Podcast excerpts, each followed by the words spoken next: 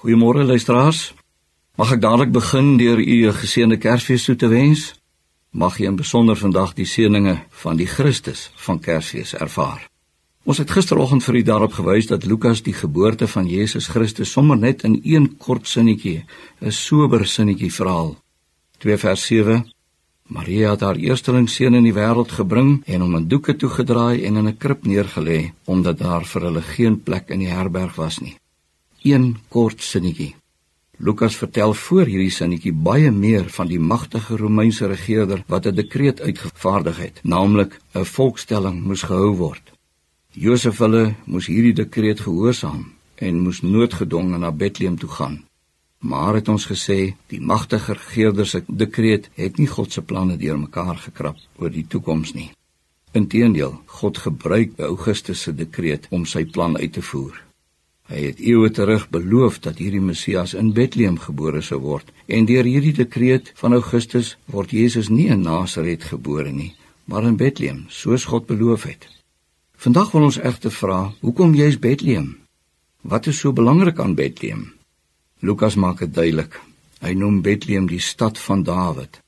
Hy sê ook uitdruklik dat Josef tot die huis en geslag van Dawid behoort het. Die geboorte van Jesus daar in Bethlehem het alles te doen met 'n ander belofte. 'n Belofte wat God in sy groot genade aan Dawid gemaak het.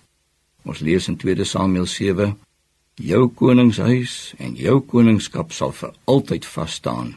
Jou troon sal altyd voortbestaan. Daar in die stad van Dawid, waarin Josef en Maria gedwing was om te gaan, begin God hierdie koningshuis, hierdie koningskap bou dit wat hy aan Dawid beloof het. Uit Dawid se nageslag is vele konings gebore, maar dit almal voete van klei gehad. Dink nou maar aan Salomo wat so goed begin het en so sleg geëindig het, om nie eers van die ander konings te praat nie. Maar met die kind van Bethlehem is dit anders.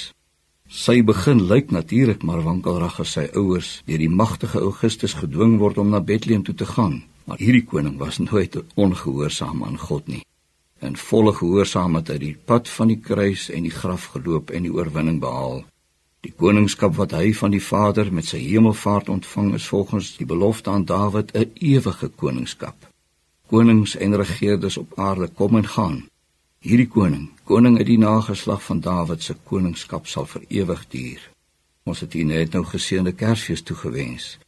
Een van hierdie seëninge sou wees dat ek weer op hierdie dag diep onder die besef kom dat Jesus Christus se koningskap 'n ewige koningskap is en dat ek onder hierdie koningskap in hierdie regering hierdie liefdesorg leef, nie net nou nie, maar vir altyd. Ons Vader, dankie dat ons hierdie sekerheid mag hê. Ons lewe onder die ewige koningskap van Jesus Christus. Amen.